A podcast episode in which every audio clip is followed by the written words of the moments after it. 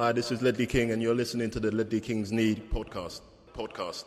Podcast. Podcast. Ledley Kings knä, Konsekvent, inkonsekvent Ledley Kings knä, Det bästa som någonsin hänt. Ledley Kings knä, Du kommer aldrig bli dig själv igen min vän.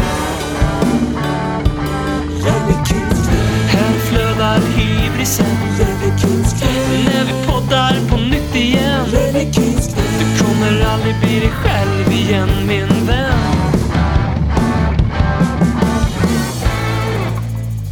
lyssnar på ett efterlängtat avsnitt av Industrisemesterns sista utpost. Den värmländska radioteatern med småbarnspappornas tidsfattiga vardag som enda uppsättning. Ledley Kings knä. Mitt namn är Per Frykebrant. Som alltid, det är jag som har tid. För tid tar man och med mig har jag som brukligt Alexander BM. Välkommen. Long time no see.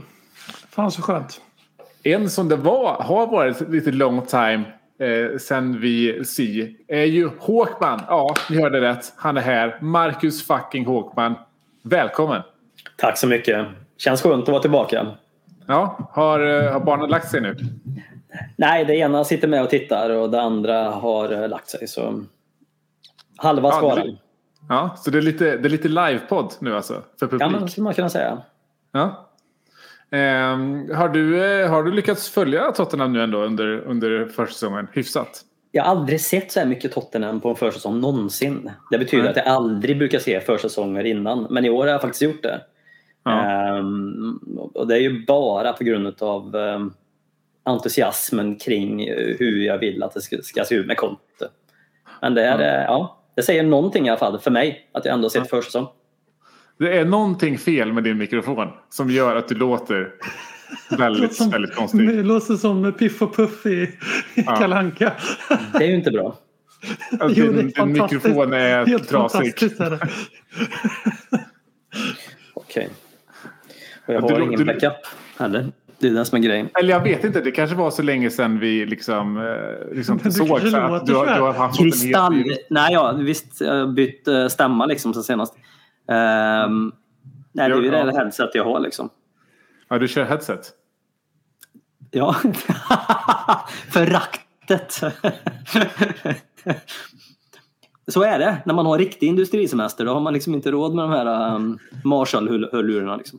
Ja. Nej, men, Ja, vi får väl köra vidare. Du får, du får väl lyssna. Du får väl, eh, du får väl låta så här helt enkelt. nej, men vad händer om jag inte har headset då? Blir det ännu Nej. värre då? Ja, det, det, skulle, jag, det skulle jag nog säga. Eh, Mm. Det skulle jag nog säga. Men är det jätteilla så kan jag ju hoppa och fixa på Alltså, det, är mer, det är mer illa för dig att du, att du, att du ja, presenterar dig med, med den här rösten. Eh, för oss gör det Ja. ingen jättestor skillnad. Och det är så här jag kommer höra sen i... Ja, det utgår jag ifrån. ja, det är så här det men- kommer höras. Ja. Men då gör vi så här. Kör ni två. Det blir bättre. Ja. Och så får jag fixa ett par eh, hörlurar för eh, 199 istället för 99 till nästa gång. Ja, ja, ja ab- absolut. absolut. Vi, kan, vi, kan, vi kan göra så. Men Om om det hörs, om det vill ju inte låta som jag har liksom tagit anabola steroider under sommaren och fått en pipröst. Liksom det. Alltså, alltså ljudet är helt, helt okej. Det är bara det att liksom, du låter, din, din röst är lite, lite Det låter, som, det låter som du gjorde när du var 14 förmodligen. Ja. Men det vill jag inte göra heller då. Så att säga.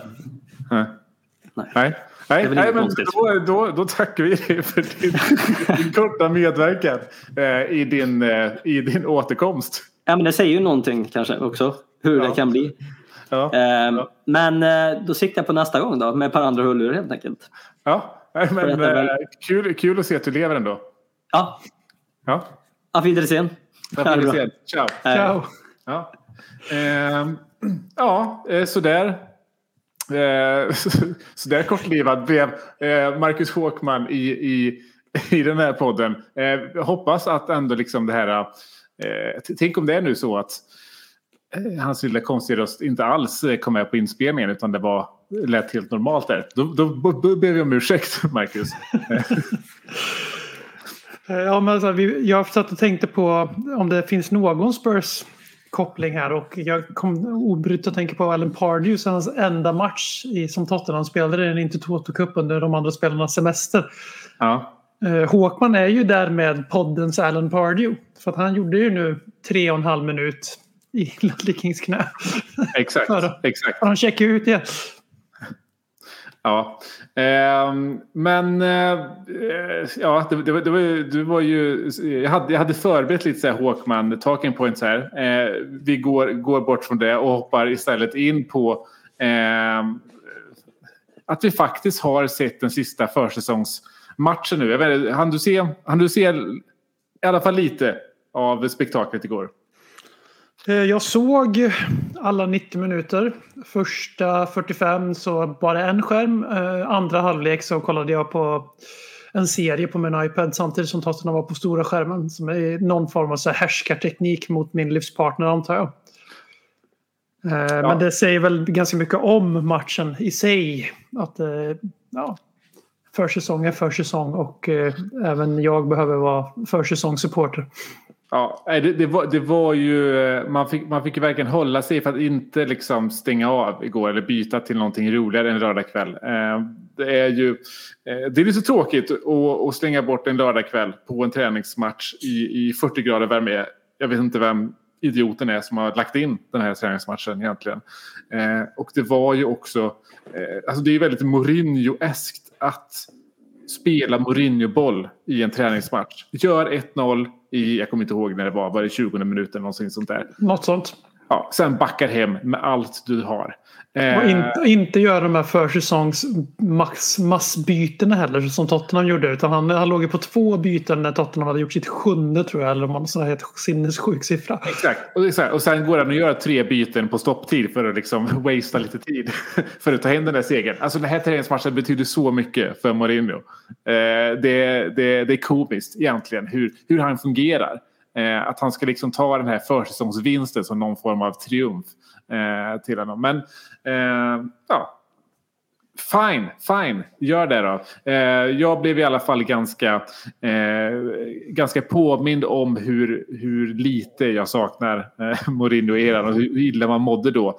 Eh, men det var ju också väldigt frustrerande. Man, nu var ju, trots att det var ett för, försäsongsmatch men man inte brukar ha så mycket eller så höga förhoppningar så var det ju det var lika frustrerande som alltid att se den här matchen. Och det kanske är för sig bra träning nu eh, att, att träna på de här eh, lagen som, backar hem lite, vilket man inte annars brukar göra under, under försäsongsmatchen. Ehm, jag, eh, det, det är svårt också i en sån match eh, att eh, ta med sig någonting överhuvudtaget. Det var väl inte riktigt någon som stack ut, eller vad, vad säger du? Ja, Alltså, I positiv bemärkelse är det väl Romero. Men där väger man ju in ganska mycket så här läst. Sista sekunden ingripande, en lite, ja, några kurr och framförallt en riktigt fantastisk, livsfarligt men underbar säker eh, Hans version av Ledley Kings k- brytning liksom. Och det är ju två fotare. Mm. Ja, den var- den var- träff- den var Träffar han lite- inte bollen där så är det ju rött och fotleden på Saniolo. Men han tog ju bollen så det är lugnt. Och eh, han nästan ensam såg ju till att få med laget så att det blev lite liksom känsla i den här matchen. Och, eh, Eh, så jag vill ändå säga han. Och sen så tycker jag också att det blir en ganska markant eh, försämring, eller förbättring menar jag, när Longley kommer in istället för Davinson till vänster. Just på den stora skillnaden i hur duktiga de är med fotbollen vid fötterna. Och då är ju Longley också Eh, Länglet är ju också vänsterfotad och det märktes ju. Eh, vi hade ju någon, något helt fantastiskt kontraanfall där, där Longley är den som slår inlägget till Romero. Alltså vänster mittback till höger mittback, avslut på mål eller mot mål i alla fall. Eh, sen Kane, gör väl, han hänger en strut, skulle haft en straff och bränner två lägen han skulle gjort mål i om det var mitt i säsongen. Så det, det, Ja. ja. så det var Alltså, väl inte det- liksom katastrof. Även Hade det, var- katastrof. hade det varit en riktig match där så hade det varit, eh, och, och med VAR så hade ju, ja, även om vi inte hade vunnit, hade det blivit minst oavgjort i alla fall. I alla fall Eh, minst straff. Minst straff hade vi fått. Absolut, Minst. Absolut. Eh, och lite oklart också om vårt bortamål var offside. Eh, men eh, skitsamma. Eh, jag håller med dig där om Longley. Han är väl egentligen matchens spelare på något sätt. I det att han i alla fall... Romeros positiva var ju liksom några individuella, eh, inte, inte prestationer, men rövigheter som gör att man tar med sig mycket från. Med Longley så var vi kanske i alla fall lite prestationsbaserat eh, eh, underlag till, till betyget matchens spelare. Han, det, och det kanske inte är jättekonstigt, inte så svårt för en mittback, inte så svårt för en LCB under Conte att framstå som väldigt bra när du spelar mot ett, ett bussparkerande lag såklart. Eh, men det man såg under honom är ju precis det man vill se från honom nu efter hans tid i, i, i Barcelona. Att lyfta fram det som är det absolut starkaste i hans spel. För att det är så att alla vet ju vilka problem han har haft i Barcelona. Han har gjort bara tre säsonger där nu varav två eh, ganska, ganska usla. Varav ett, den senaste, är kanske den absolut sämsta.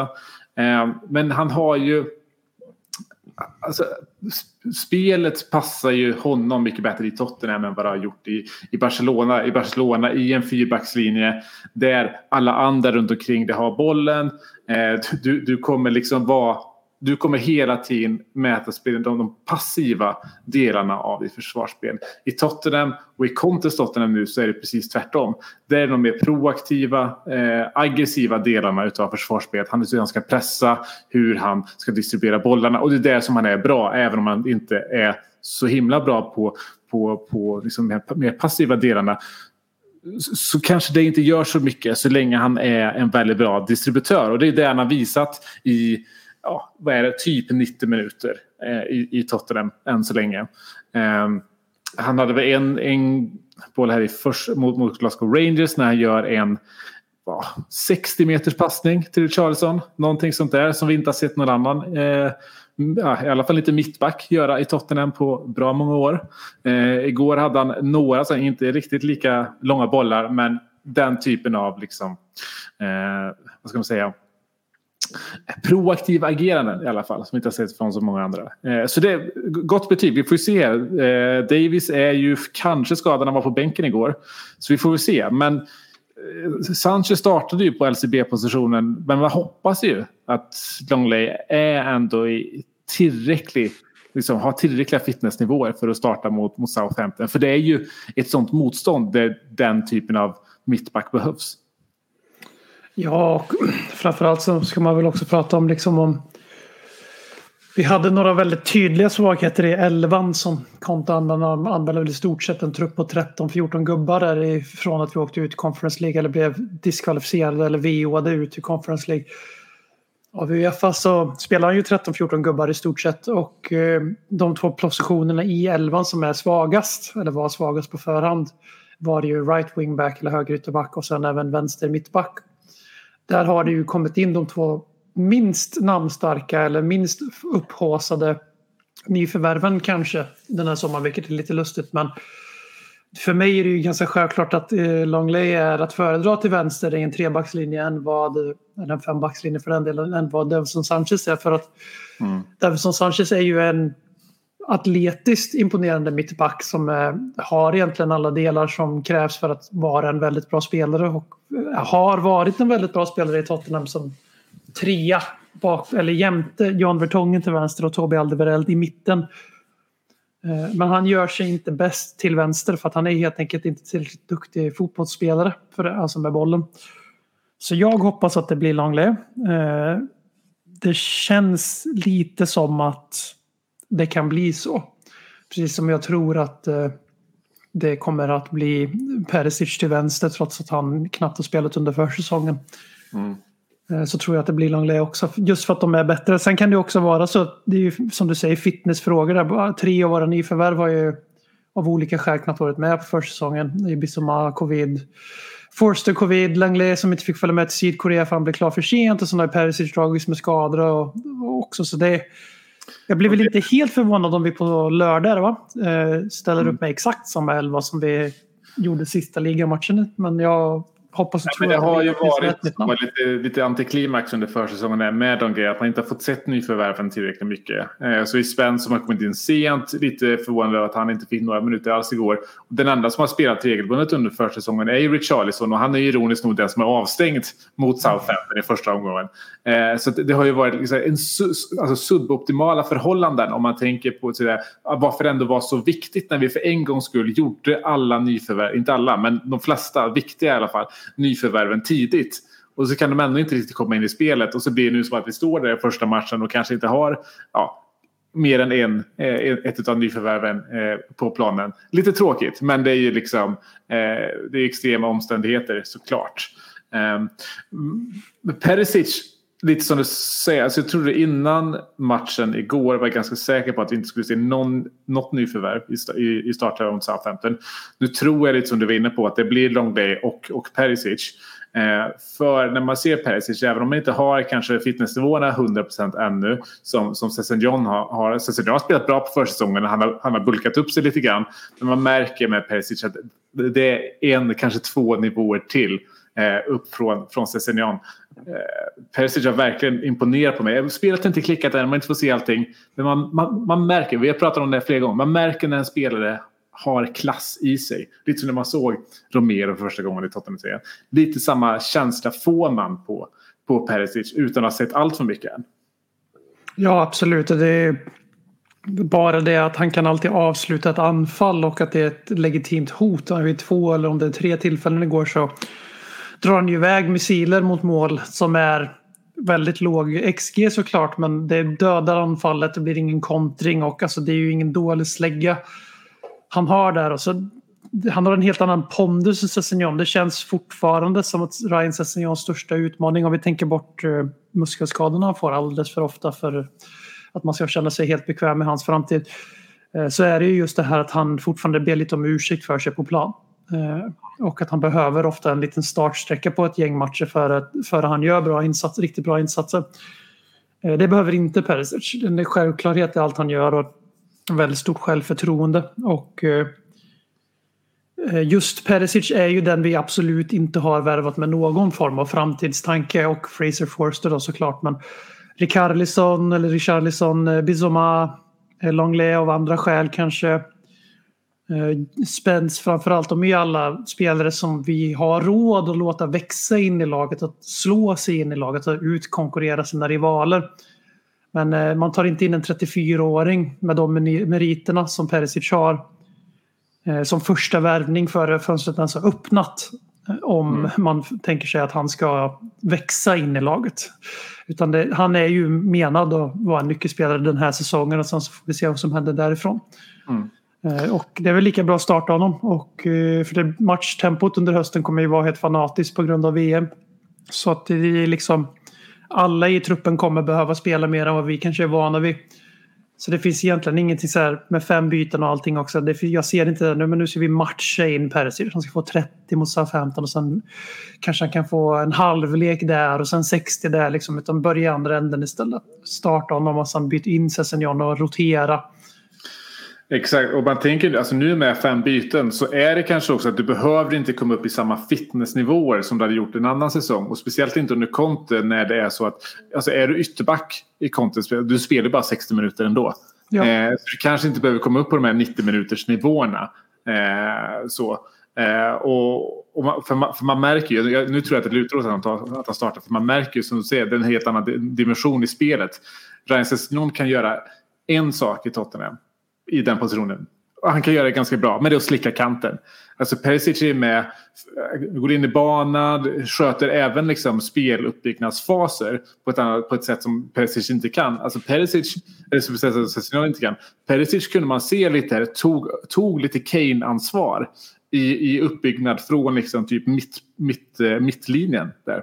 Eh, så man märker det, hur de här alla olika eh, nyförvärven i Longley, i Perisic, i Bissouma tar lite grann utav Keynes liksom, extrema eh, vad ska man säga, spel, eh, spelfördelaransvar. Eh, som är ganska intressant att se. För jag har ju liksom, man satt där igår, man såg hur vi bara körde fast och körde fast, körde fast som vi alltid har gjort. Och så skriker bara säger varför tar vi inte in liksom en ny spelfördelare? Varför tar vi inte in en James Madison? Vi skriker efter, vi har inte haft någon Sneksen. Men så tänker man ju på det igen, att säga, ja, men alla nya spelare har någon liten sån del och ansvar i sig som, som, som, som tar Um, som bygger den totala kreativiteten på något sätt. Alltså i, i så han har ju inte någon... Han brukar ju inte ha de här kreatörerna. Eh, vi har pratat väldigt mycket om att hans, kreativiteten i Contes eh, lag kommer inte från innermittfälten utan den kommer från kanterna. Och det är kanske lätt att säga när du har haft liksom Hakimi och Perisic på, på varsin kant. Eh, det är lite annorlunda när du har Cessignon och eh, Emerson. Eh, så då, då jag tänkte jag att vi, fan, vi behöver det ändå. Men så sagt, man ser det nu att ja, de är inte riktigt helt, helt inspelade allihopa men förhoppningsvis bidrar de här nya spelarna med lite mer kreativitet på planen.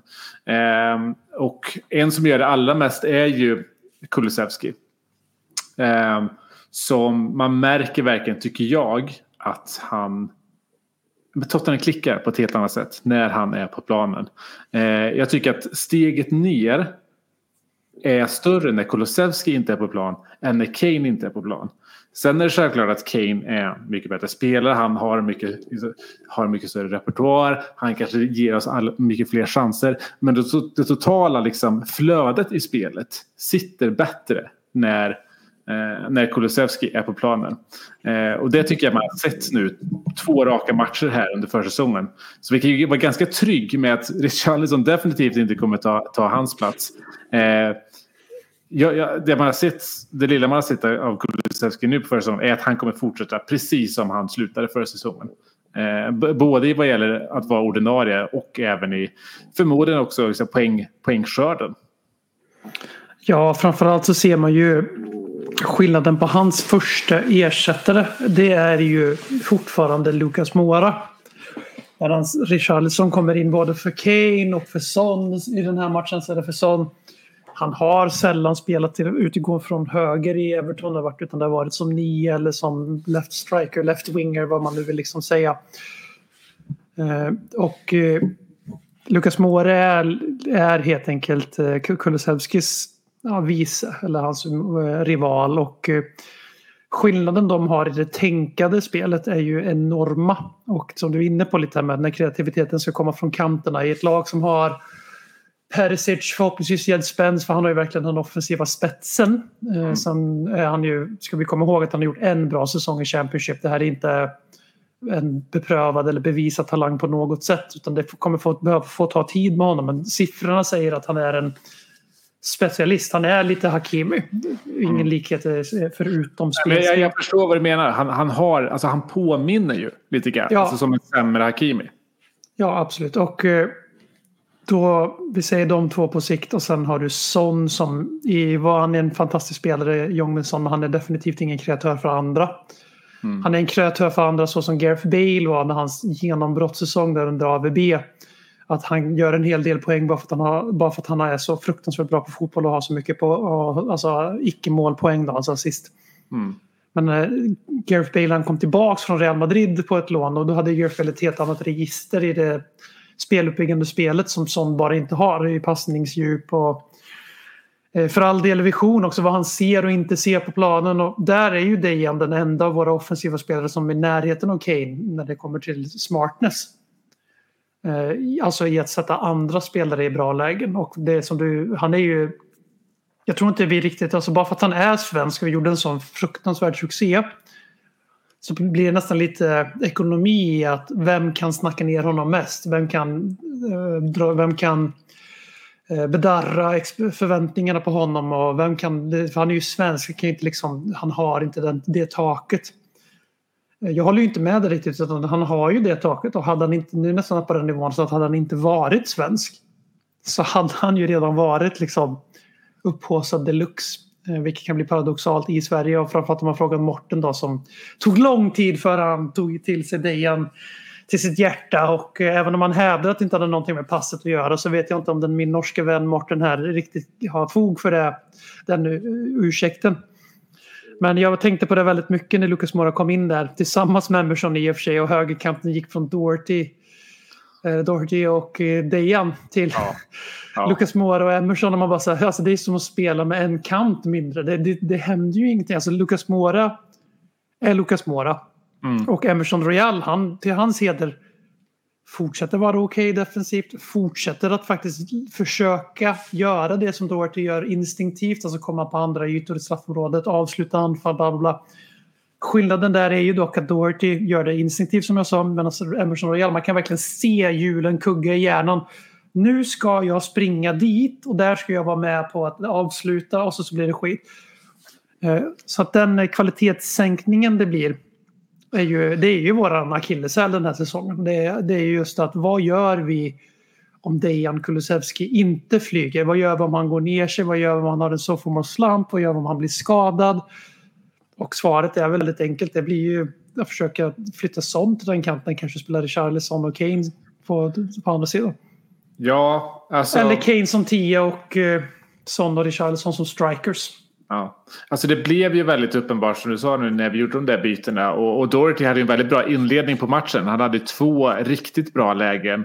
Och sen så är det ju svårt för honom att få lägen när... När Kane hoppar och tar dem i vägen. Ja, dels, dels det, men sen så när Mourinho bestämmer sig för att bara parkera bussen. Det är lite svårt för våra wingbacks att få de här riktiga lägena då. Eh, men, men det är ju verkligen så att vi, det är ju, det är ju Kulusevski-platsen som är vår svaga i och med att han inte har någon ersättare där. Och vi har ju kvar Ryan Hill, eller Bra- Brian, Bra- Brian Hill i, i, i truppen. Eh, och som har fått spela, eh, fått vara med för första. Lite överraskande med tanke på att varken Regidon eller Wings eh, inte har fått eh, följa med någonstans.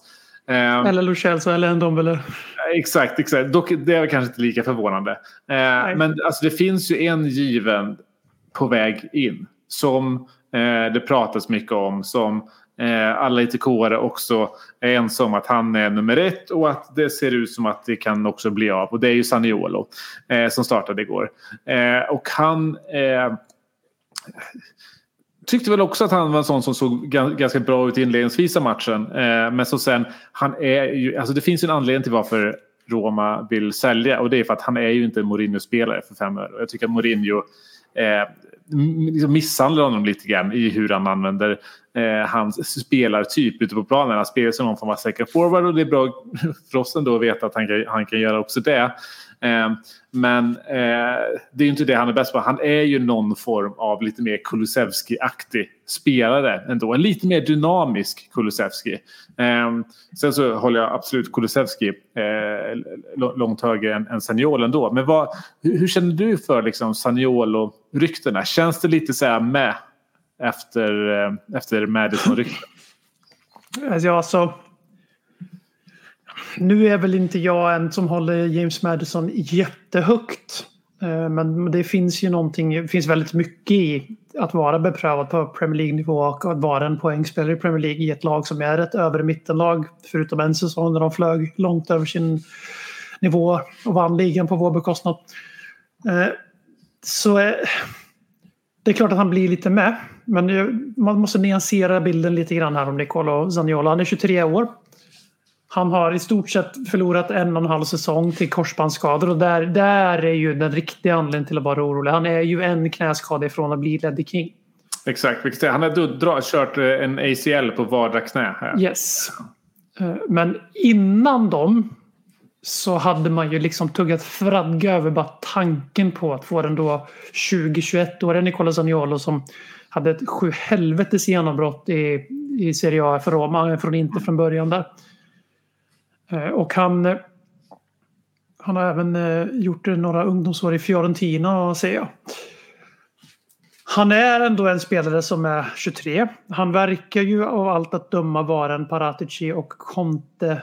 Eh, de vill hellre ha honom än James Madison. Det verkar Bå- nästan som att... de har ju försökt få någon till sina respektive tidigare klubbar också. Ja, men precis. Och och han han tas ju hellre än Madison som har en utslagsfaktor i att han är homegrown. Och vi behöver ju ha homegrown-spelare. Inte för att det finns en regel för hur många man ska ha men för att vi ska kunna ha en så stor trupp som möjligt i både Europa och eh, framförallt Europa men även i Premier League. Eh, Men alltså Saniolo. Skulle man få honom att hitta tillbaka. Skulle han till skillnad från en Lucelso och andra killar som kommer till Tottenham helt utan skadehistorik eh, och sen blir skadebenägna även om som sagt den, den är ganska överblåst den bilden av främst Giovanni Lucelso. Den blandas in en del covid-regler och restriktioner och avstängningar och bla bla bla och knyts ihop till ett skadebenägen paket här som inte riktigt stämmer på en djupare granskning. Men någon gång måste vi klara av att värva en spelare som är, som är så här lovande, som har så här mycket potential.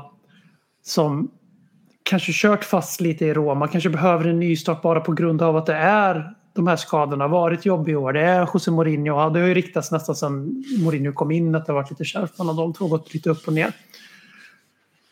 Varför inte liksom? Det är klart att ja, han drar knät efter tredje matchen i Premier League. Vem vet, men det man ska komma ihåg med Premier League är att det är ju ganska skrattretande när folk lever kvar i den här 90-talsromantiken att Premier League är en mycket hårdare fysisk liga än alla andra. Det stämmer ju inte för fem jävla öre. Det smäller betydligt mer i Liga och Serie A än vad det gör i Premier League-matcher. Eh, det är mycket, mycket grötigare fotboll där.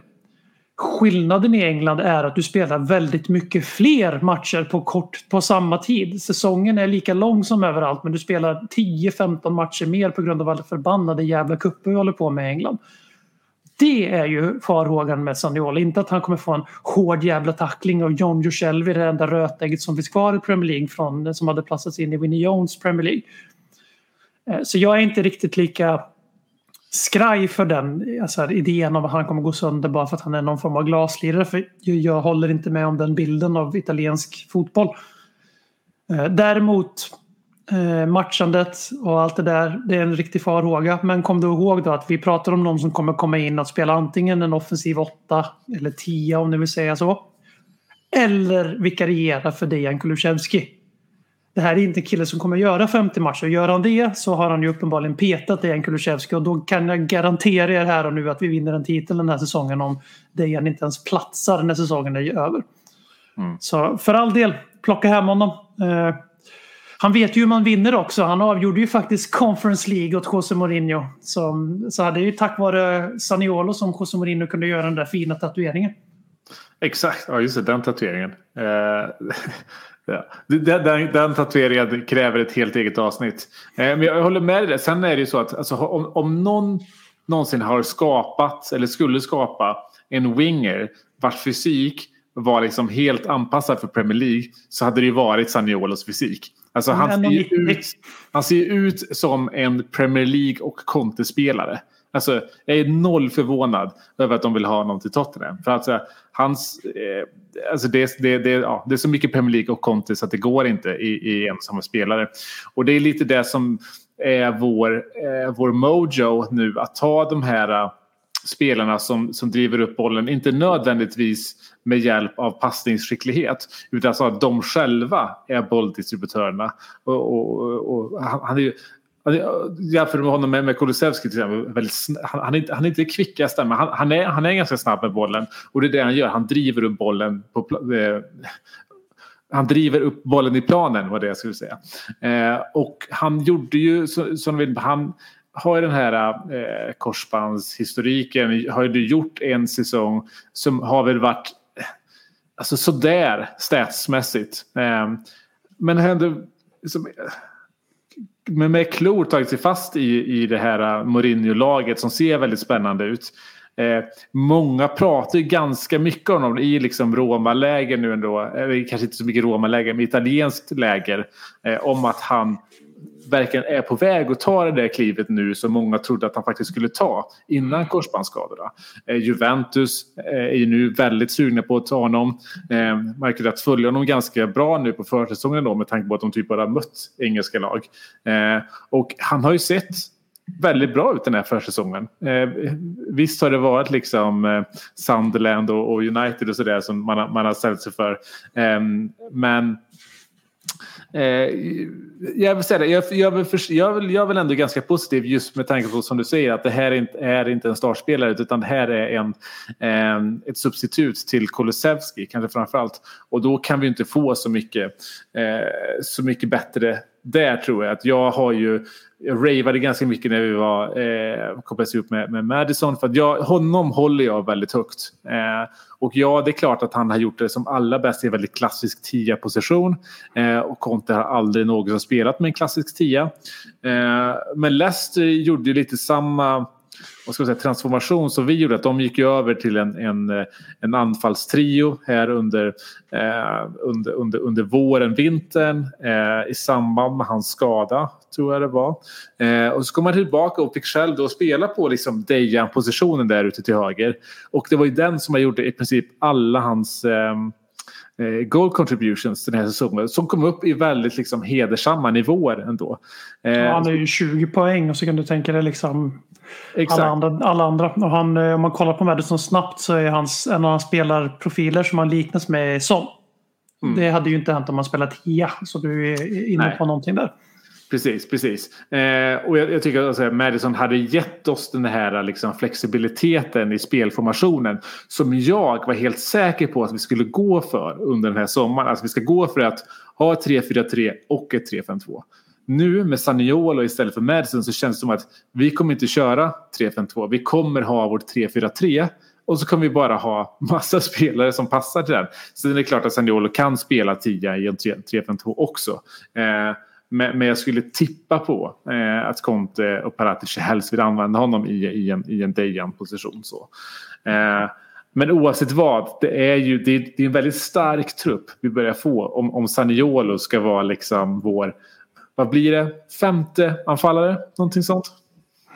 Ja, och om man kollar lite på hans profil jättesnabbt bara. Så, som du var inne på, han har ju bollen väldigt mycket som du eh, pratar om. Eh, men han, är, alltså han dribblar mycket. Han är inne i offensivt straffområde väldigt mycket. Han slår väldigt mycket progressiva passningar, alltså passningar framåt. Han tar emot väldigt mycket progressiva passningar. Eh, alltså han är en väldigt offensiv, skicklig spelare. Han har en helt sinnessjuk eh, förmåga att få avslut och skapa, skapa avslut. Och det här är en- alltså en kille som kommer tillbaka från en ganska allvarlig och långvarig skadeproblematik. Eh, och Han missar ju hela 2021-säsongen. Alltså en hel säsong, spelar noll minuter. Så att eh, det känns lite så här att det är svårt att bli missnöjd med någon av de här två alternativen. Om jag var tvungen med så pistol mot huvudet då skulle jag nog ta Madison bara för att jag vet att han, att han redan kan Premier League.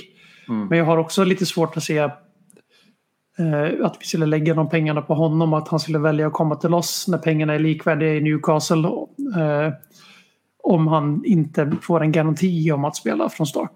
Och det känns lite som att varför ska vi desperat uppgradera på Dejan Kulusevski som i stort sett snittar en poäng per match i Premier League. Som när han kom i januari-fönstret.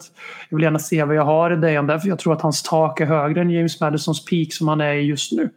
Så att eh, vi kan ju se till att lösa en av de här två så har, jag, har jag ganska svårt att liksom vara missnöjd helt enkelt. Nej, men verkligen, verkligen. Och därför, därför var det ju synd lite att vi inte fick se honom i hans bästa position igår. Eh, eh, Mourinho spelade honom ute till vänster. Eh, säkert för att bara vara taskig också mot honom. Det, det, känns, det känns väldigt Mourinho. Eh, Det gör faktiskt det på riktigt. Ja, men, men eh, vi får väl se. Jag skulle säga att den här värvningen är inte jätte eh, liksom nära förestående. Nu handlar det om att rensa ut lite grann. Jag har haft ett liksom, kanonfönster med sex in här. Och nu börjar det gå ut lite. Rodon är väl... ehm, han, han är väl inte presenterad än för den. Men vi, eller? Jag, jag tror inte det. Ehm, men, men så gott som i alla fall. Tanganga verkar ju även han vara var på väg till, till Milan. Eh, båda två är liksom loan with option to buy. Eh, eventuellt att Tanganga faktiskt kan bli någon form av eh, eh, vad ska jag säga, ja, inte lån, utan riktig övergång. Så. Vi, vi får se hur det blir eh, där. Eh, vad säger du med att vi till slut skeppar Tanganga? Ja, vad ska man säga om Jaffet Tanganga? Sällan har väl en spelare gjort så lite för att få så mycket kärlek. Eh, och det är precis så här det ska vara kring våra homegrown. Det är så här det ska vara bland killarna och tjejerna för all det som kommer från våra egen akademi, tar hela vägen upp i A-laget. Och till Tangangas heder har gjort några, sina typ sju matcher han har gjort så har han gjort det mot City, Liverpool han har varit liksom märkbar. Eh, Tyvärr för Tangangas del har han även varit märkbar mot Crystal Palace och sämre lag där han blir utvisad, samlar i slagsmål. You name it, ja för Tanganga han är det. Och, eh, Men det är väldigt mycket Tottenham med det. Han gör sina vad säger, eh, debuter mot Liverpool, matchens spelare. Sen mot Som City, matchens spelare. Exakt. Eh, och, och sen så får, får han chans mot sämre motstånd. Utvisa direkt. Eh, det, det, är, det är Spursy.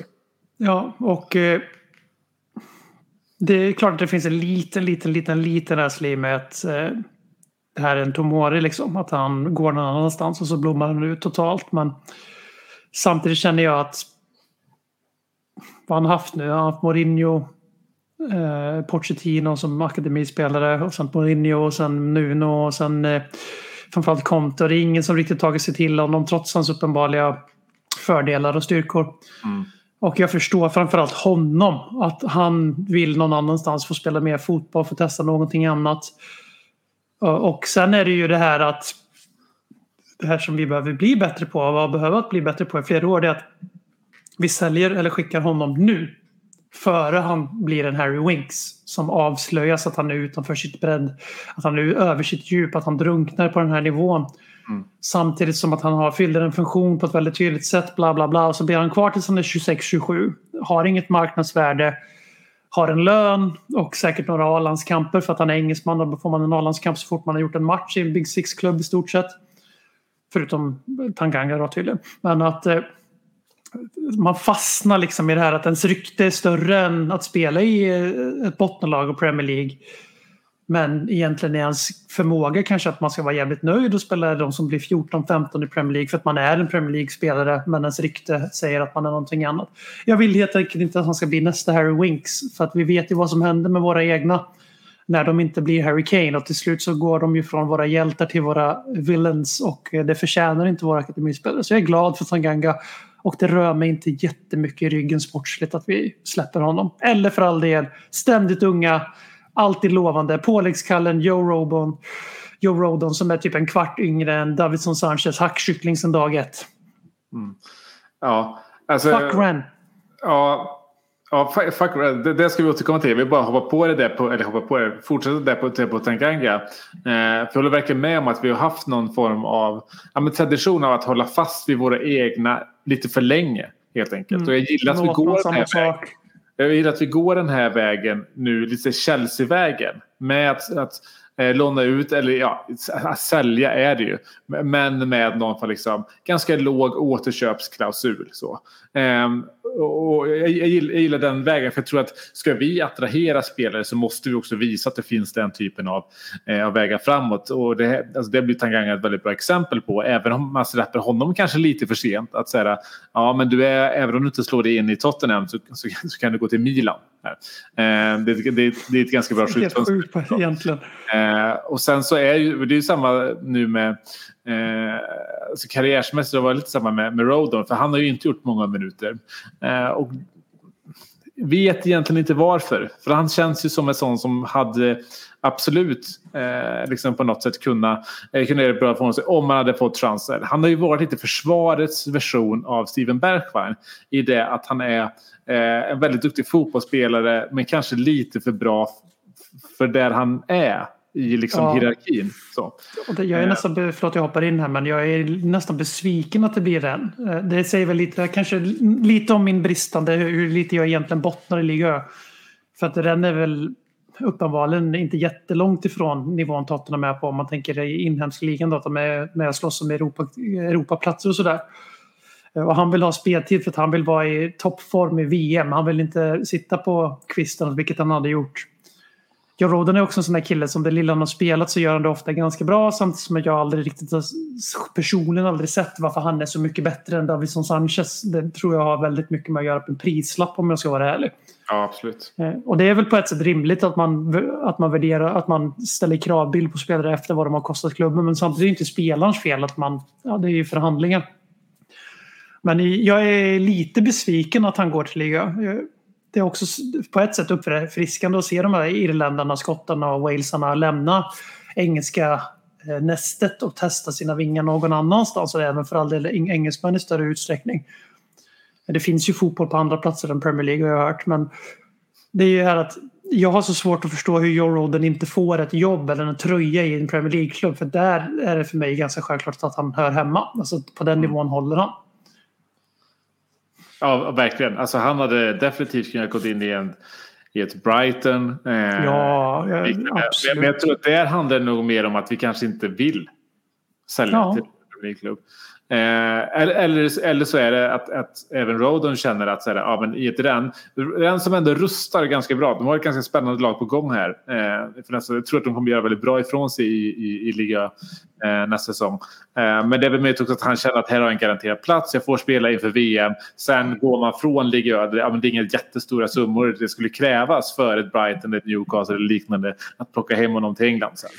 Eh, Det är väl en klausul på 20 miljoner euro. eh, För Och det är ju inte säkert att den är exklusiv eller man ska säga att det är bara dem. Utan det kan ju bli så att vi, alltså vi har ju skapat en försäljningsklausul på honom nu där att om vi får ett bud på 20 miljoner euro så kommer vi att sälja honom till de klubbarna som erbjuder det. Och, men det jag menar med det är att det är inte säkert att Ren har eh, exklusiv förhandlingsrätt där utan att Nej. kanske Brighton kan också lägga 16,5-17 miljoner pund eller vad det nu är. Och så får han välja Ja, själv. Lite som den eh, Coutinho-klausulen. Liksom. Mm. Eh, men sen så är det lite intressant nu med om när Tanganga går och, och Winks ska ju gå men det verkar inte som att han riktigt hittar någon, någonstans att gå. Men om, om vi räknar nu att då båda de två går, ja, men då behöver vi ju helt plötsligt eh, eh, nej, eller hur blir det? Nej, nej det, eftersom vi har både Forrester och Spence då behöver vi inte någon mer eh, homegrown. Nej, jag tror inte det. Nej. Vi har ju samma som förra säsongen då i, i truppen.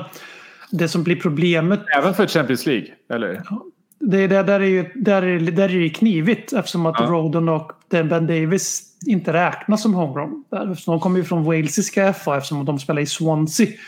Som spelar i engelska ligasystemet men är en walesisk klubb. Eh, Så där vet fan om inte, där går vi väl fan med plus två måste vi göra med Forster. Fast Spencer kanske är för ung för att registreras och då blir det ju inte så. Men samtidigt så fyller det samma funktion. Då kan vi lämna en truppplats tom och så kan Spence ta den som är en Ja. A-lagsspelare. Men eftersom han är så pass ung så räknas han inte som en, som en så att säga. Nej, nej precis. Nej, Nej, men det- där är- tänkte Det hade ju så väl varit ett argument för Madison. Eh, Mm. Men det finns, det finns ju kanske fortfarande ett eh, argument. Men samtidigt känner jag så här att reglerna är ju vad de är. Alltså det är ju inte ett antal minimum du måste ha utan du får inte ha mer än fler än 17 A-lagsspelare som är icke homegrown i Premier League, i Europa League, i Champions League tror jag det är samma men där är det ju då engelska FA inte, inte Ja, det är ju typ bara Swansea och någon enstaka klubb till det här kan gälla i engelska ligasystemet. Men, eh, Cardiff såklart. Och eh, då är det ju så här att det har ju självklart Paratici koll på. Men vi säger att det kostar... Det får, vi säger att det kostar 50 miljoner pund att köpa Madison. Det kostar 45 miljoner pund att köpa Sadiolo. Mm. De fem miljonerna kanske är, är värt det för HG-faktorn och extra trygghet och extra arbetsro för att göra spontanare. Men det känns ju inte som att vi, det känns som att vi har lämnat spontanare världen nu. Så att Visst känns Men- det konstigt? det känns väldigt konstigt. Jag menar vi skickar ut Troy Parrott och Dean Scarlett på väldigt välutvecklade, väldigt tydligt genomtänkta lån. Precis när våran försäsong börjar dö ut och ligaspelet börjar i de lägre divisionerna. Pang, klart direkt. Troy Parrott går in från start i PNI. Scarlett är med i matchtruppen i premiären för Portsmouth. Vad fan är det här för någonting? När blir vi så här målmedvetna? Och varför är inte Harvey White också ute på ett lån redan? Jo, för att han kanske ska ta Harry Wings plats i truppen. Ja, alltså superbra lån för både Parrot. Eh, Har jag Harvey eller så är Harry White? Eh, du, sa- du har så Harvey. Vad gäller. Harvey White så tror jag nog att han... Det är nog snarare så att han kommer säljas, tror jag. Mm, det är Eh, inte omöjligt. För jag tror att han är väl inte riktigt på nivåerna som de andra. Framförallt inte nivå som, som, som Divine. Och jag antar väl att Divine... Det skulle, det skulle bli intressant att se om han får en, eh, ett lån eller om han får gå kvar. Eh, och och ta, ha någon form av liksom, sjätte mittfältarplats i truppen. Eh, jag, jag tror att han, han är nog tillräckligt bra för att göra Scarlett-lånet. Alltså gå till League One nu. Eh, Nu, nu gör jag någonting som Robin Dronesfield hatar.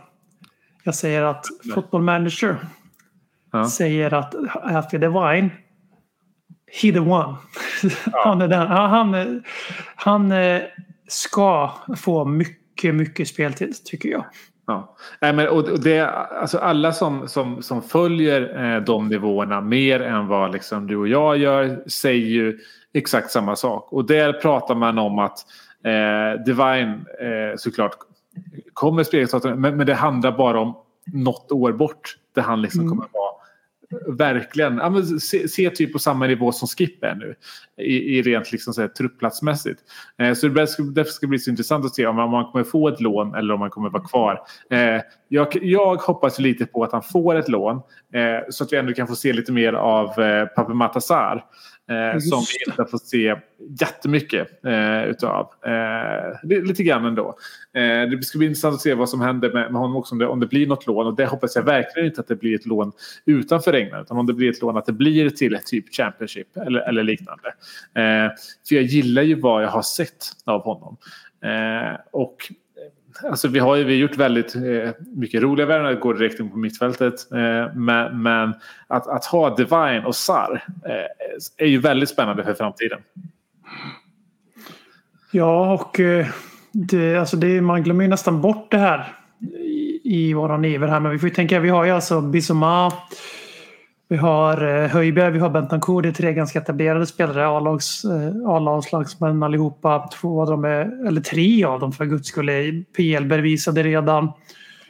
Eh, och sen har vi Oliver Skipp som är förhoppningsvis inte kanske på Divine och Harry Kane-nivå av egna akademispelare men förhoppningsvis på en eh, ordinarie tröja i matchtruppen-nivå minst. Det ser ju ut som att det såg ju ut under både Nuno och mm, Conte faktiskt före skadan där att han kan bli mer än det.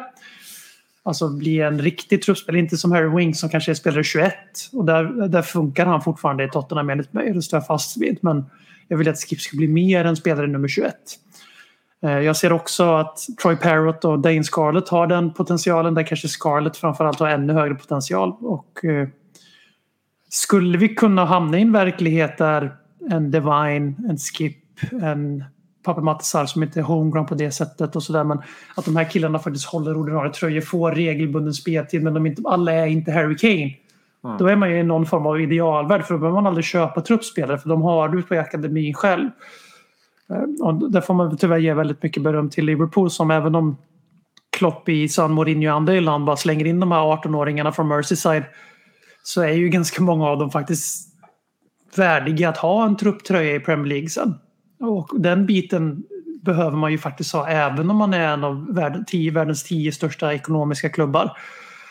Eh, största klubbar ekonomiskt och eh, kan värva vad man vill nästan så är det ju inte helt fel om fem, sex gubbar i truppen varje år utöver de solklara Harry Kanes och sådär faktiskt är gratis, har blivit fostrade i Spurs, känner lite mer för Tottenham än vad 60 miljoners nyförvärvet gör som är 23 och ser en Real Madrid-flyttande 27 framför sig och sådär.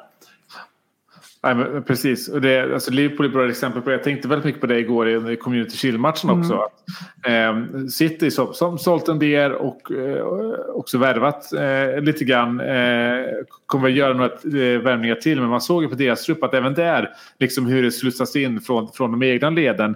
Eh, och att Citys trupp egentligen, alltså de har ju de senaste två åren nu gått plus eh, Eh, på, på sina... Eh, eh, alltså deras net, de har en positiv netspend. spend, nej, hur menar jag nu? Du Ja, menar de att de har gått plus? de har gått plus på transfermarknaden helt enkelt.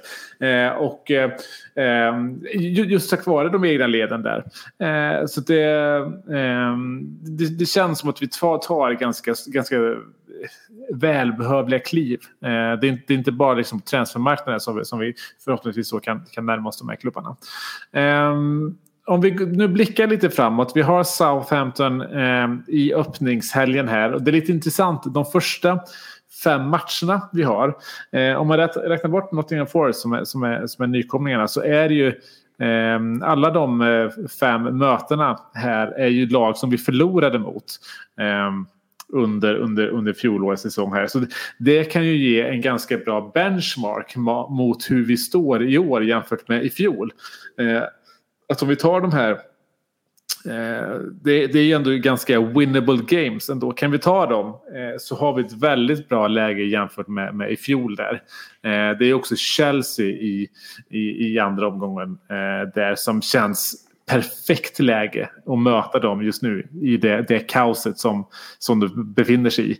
Eh, det kändes ju som att man såg det här kaoset komma eh, lite grann när, ehm, eh, när deras nya eh, amerikanska eh, vad ska man säga, någon form av moneyball eh, ägare slash sportchef eh, kom in.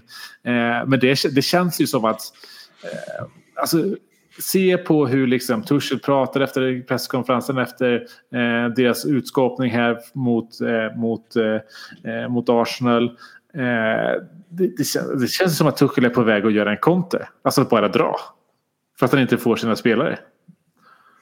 Hoppas. Ja. Eh, nej, men de har ju... Vad fan har de lyckats få igenom? Sterling. Där, där, Det är ju... eh, nu snackas. De bommade ju Konde. Konde de bommade flera till. Nu snackades vad fan var det såg? Eh, Fofana. Precis. Och det är det som jag att det är att det inte märks till. skaller. Eh, Fofana och någon till spelare, men skitsamma. Det är ju en naturlig konsekvens av oron kring Chelsea. Och det är välförtjänt karma på alla sätt och vis. Så här blir det när man är en klubb bland alla andra som har pengar och inte är blodstopade och oljedopade. Men det som är också lite så här jag känner med att vi glömmer bort lite i det här är att Raheem Sterling må vara Raheem Sterling. Det är inte en dålig spelare och det som gör mig jävligt deppig i sammanhanget breddar ut från Chelsea lite grann. Jag tror inte att Tusche kommer att dra för att han har inte riktigt den pondusen tror jag. Han var ju kvar i PSG så länge så att han fick sparken istället för att avgå trots hur det var. Han gjorde ju som Pochettino, han väntade ju bara ut sin cash out istället för att dra. Ja, du, alltså, du behöver inte vänta så länge för att få kicken från PSG. Nej, nej, nej, i och för sig. Men undrar hur länge Conte hade klarat sig med Leonardo och eh, som det var förut. Nu, men kan alltså, det hade ju varit tre veckor högst. Han har blivit som Bielsa. Fast med titlar. Eh, och eh, det är ju det här att vi pratar ändå om en liga som är så pass skiktad så att Manchester City känner sig helt okej att ställa, spel- sälja en i stort sett helt ordinarie spelare till de som blir trea säsongen innan. Ja. Eh, De, sen säljer de en, deras nia den säsongen. De spelar utan nia till Arsenal som blev femma säsongen innan.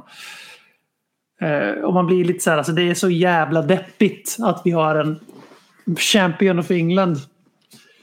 Som eh, jag har sagt det här länge i podden nu. Jag tänker fortsätta hämta den här blockaren. Alltså det är, vi snackar så jävla mycket skit om andra ligor och att de domineras av ett och samma lag. Men vakna upp för helvete. Premier League är samma skit. Kolla hur många titlar som City har vunnit sen de vann sin första. Det är rätt jävla många ligatitlar där. Eh, och de senaste tre, fyra åren så har det bara varit Manchester City vi en säsong, en och en halv och sen Liverpool alla säsonger som har utmanat och ingen annan har varit i närheten. Eh, Och nu är vi på den nivån att Chelsea är det laget som har näst flest ligatitlar sedan City vann ligan sist. Det är väl det, det var de två och Liverpool som har vunnit ligan sen City vann ligan. Nej, Ferguson har fan klämt in en sista. Ja, och Leicester. Ja, just det. Ja. Jag glömmer bort Leicester igen. Eh, Men i alla fall att det är ju det här, så Liverpool och Leicester samma sak. Spännande. Att Chelsea som är den enda klubben som har mer än en ligatitel de senaste 12-13 åren. eh, De köper nu spelare från Manchester City. Alltså det, här, det börjar bli så jävla deprimerande. Och hade det inte varit Chelsea som jag önskar all misslycka och att vi ska gå om dem, att vi ska bli herrar på täppan, att det ska vara vi och Arsenal som blir tre och fyra hellre än vi och Chelsea. Ja, jag sa det, jag står för det. Men fan. Det, här, är oroväckande för Premier League. Att Manchester City anser sig kunna sälja två spelare som gjorde ganska många startelva minuter förra året. Till direkta så kallade konkurrenter. Eh, Så att, ja, ja Alltså, men för att svara på din fråga. Man pissar på ligan så Ja. mycket. Alltså City pissar på Premier League just nu. Jävla Guardiola, han gör fan samma skit vart han än åker. För eh, alltså, som lite då se- segway in på, på det. Alltså, eh, med, med de här City Reserverna. Arsenal är ju ett mycket bättre lag den här säsongen än vad de Ja, absolut. slutade senast. Sen så tror jag, jag tycker inte de riktigt har något, något upp i miniminivå av vad de behöver ta in sett till hur mycket de rensade ut under, under januarifönstret. Eh, man ska också komma ihåg att deras trupp klarade inte ens av att spela en Premier League-match i veckan i fjol. Nej, det kommer en stor skillnad. Europa League in också. Så att jag tror inte det räcker med fyra spelare in. Eh, Det kommer nog behövas ytterligare. Men, låt oss vara tydliga med Arsenal också. Vi säger båda två och det är ju, vi hade ju varit löjligt subjektiva annars. De är bättre. Det är hugget som stucket om vi eller de har förbättrat oss mest på marknaden tycker jag. Jag anser fortfarande att vi är ett bättre lag för vi slutade före dem förra året. Och Ja. vi har inte försämrats och de har inte heller försämrats. Jag hävdar att både Arsenal och Tottenham har närmat glapp, eh, det så kallade glappet i Chelsea. För det var inte så jävla mycket till glapp i slutändan när allt var sagt och gjort. Sen ska ju sägas också att Chelsea var i en situation där de kunde typ inte sluta någonting annat än trea ganska länge. Mm. Och det är klart att det påverkar lite till exempel deras läggmatch mot Arsenal och sådana här grejer. Eh, Men det är ju så att kampen om tredje, fjärde, femte, sjätte platsen är väl hårdare än på länge. Sen kommer det ju kräva, som du har pratat om i podden i evigheter, att någon av City och Liverpools cykler måste ta slut för att någon ska på riktigt kunna utmana. Och det kan ju vara i år, det vet man ju aldrig innan. Så på papper är ju de fortfarande på en egen platå. Men man vet aldrig. Alltså det kan vara att det var ju bara två säsonger, det var ju bara förra, förra säsongen nu som Liverpool nästan missar Champions League. Liksom, saker kan hända. För alla förutom City. Eh, Och det är ju det här att Eh, jag ser ett Arsenal som är ett rejält hot för att bli topp fyra. Jag ser ett Tottenham som lika gärna kan sluta trea som sexa. Eh, jag är väldigt skeptisk till Ten Hags Ajax United, för det är vad det är. Eh, Ajax United.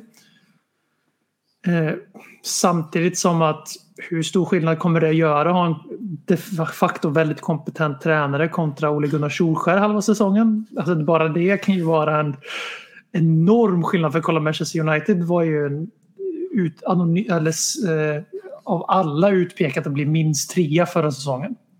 Med den truppen de har. De har ju samma trupp nu förutom Pogba och så tre, tre ganska bra nyförvärv. Så att de är också med här. Alltså det, det kommer bli en spännande säsong för Big Six. Tottenham kan sluta trea, Tottenham kan sluta sexa. Eh, Jag tror, som du är inne på, att Arsenal som för andra året i rad typ spenderar mest i hela fotbolls-Europa. Det vill jag också ha sagt här att det här är inget charmigt, ungt, sexigt bygge. Utan det är klart att det är ungt och sexigt men det är ju också för att de köper alla de här unga sexiga spelarna för hur mycket pengar som helst. Det här är ju inte Pochettino Spurs utan det här är Artetas Arsenal som har köpt de här spelarna för miljarders miljarder. Eh, Även om de försöker sälja in det själva som att de är typ ett det är typ deras U18-lag som går att göra alla de här grejerna. Eh, och eh, jag är lite inne som du sa, hade det varit så att de inte spelar i Europa den här säsongen då hade jag fan pekat ut dem som favoriter till att bli trea. För när de var bra under Arteta, när de stödde av alla lag som slutade nio och sämre så såg de väldigt bra Då såg de bättre ut än vad vi gjorde. Men sen hade de ju tufft i stormatcherna och de hade sina mentala härdsmältor. Eh, Så jag vet inte, de är fiskfågel där. Det står väl och faller med ungefär hur bra Mikael Arteta faktiskt är som tränare. Och det, svaret på det kommer vi få 4 augusti. Så att, Ja. eh, det ser jag mycket fram emot. Precis, med All or Nothing. Som, eh, som har premiär. Och den borde, vi borde göra någon form av liksom specialare i podden. eh, Någon, någon Vi, vi måste i alla fall prata om sista. Vi måste ju prata om två avsnitt. Ett när de duckar första matchen. När vi får förhoppningsvis ses lite insight om hur mycket covid det faktiskt var. Om det, det hela avsnittet handlar om covid eller inte. De här är ganska tillrättalagda de här produktionerna. Så vet ju vi som har varit med än. Före Arsenal. Men sen vill man ju sista avsnittet där se hur de lyckas måla det här totalfiaskot det är. Att tappa dem, var det sju poäng och bättre målskillnad eh, mot oss till att bli femma. Att förlora. De slutade femma i ett fyrmannarace race som de tycker om att säga om oss och Leicester. Så grattis till det. Eh, Så att eh, de två avsnitten ska ju dissekeras i Ledlikins knä den här säsongen. Det är så my- mycket mer så kan jag inte lova er, men de två avsnitten, och jävlar vad vi ska prata om dem. Ja, och det, det, det dröjer ju inte länge utan de, de, de, eh, den har som sagt var premiär nu i veckan. Så väldigt snart kommer vi kunna Vet du om återkomma. de släpper alla avsnitt på en gång? Eller rätt? Jag kommer inte ihåg hur det var när våran kom ut. Jag kommer faktiskt inte heller ihåg. Eh, Men det känns som att man eh, kunde se det i ett... Ja, eller hur? Visst, jo, men det Det kunde man. Jo, jo, man kunde bingea. Jag har för mig att jag Ja. Sam satt och kollade på några avsnitt i alla fall första dagen det kom ut. Så jag tänker att nästa podd här blir ju inte så mycket Southampton utan kanske lite mer All or Nothing. Ja, väldigt mycket mer. Det blir väldigt mycket al. Ja. Eh, ska vi eh, säga så? Eh, så länge, helt enkelt. Eh, om du inte har något mer som du vill, du vill eh, feeda in. Jag har, jag har ju på hjärtat här alltså att, att den här säsongen så blir det, i alla fall från mitt håll, mindre polemik, mer vänskap säger jag nu. Och sen så ger vi det två veckor. Och jag måste bara skicka ut en tankeställare här till fotbollsvärlden i helhet.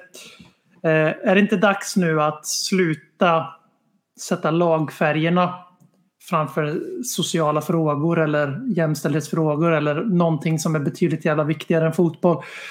Eh, och jag skickar ut den här nu med all välmening. Jag på riktigt, för jag förstår och jag har fått till mig att det är liksom känslor och det hade varit samma sak. Bla bla bla. Men Arsenal supporterbas just nu. Och jag är aldrig inne på vårt Twitterkonto längre för jag behöver inte det i mitt liv. Eh, men på riktigt nu. Titta er lite i spegeln här va. Ja, väl, så här, antingen så kan ni vara som den här killen som har Pep Guardiola som sitt Twitterkonto som jag fortfarande inte... Eller han har Pep som profilbild. Och så runkar han av Mikael Arteta hela tiden. Det är vad han gör. Och Allting Arsenal gör. Alltså det, det är liksom så fantastiskt håsande. Så jag inte riktigt kan utläsa om det här kontot är ett parodikonto eller en genuin Arsenal-supporter.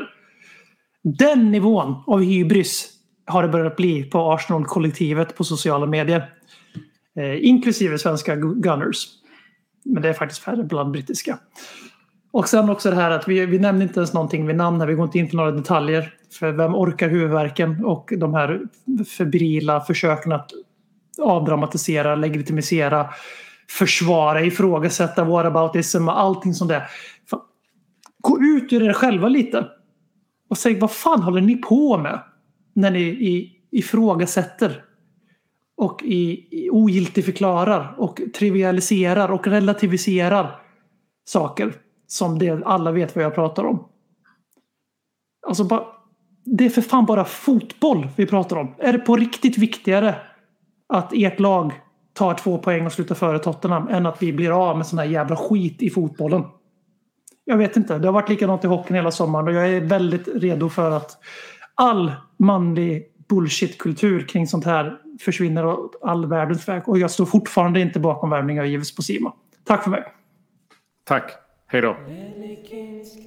Konsekvent, inkonsekvent. Det bästa som någonsin hänt. Du kommer aldrig bli dig själv igen min vän. Här flödar hybrisen. När vi poddar på nytt igen kommer aldrig bli dig själv igen min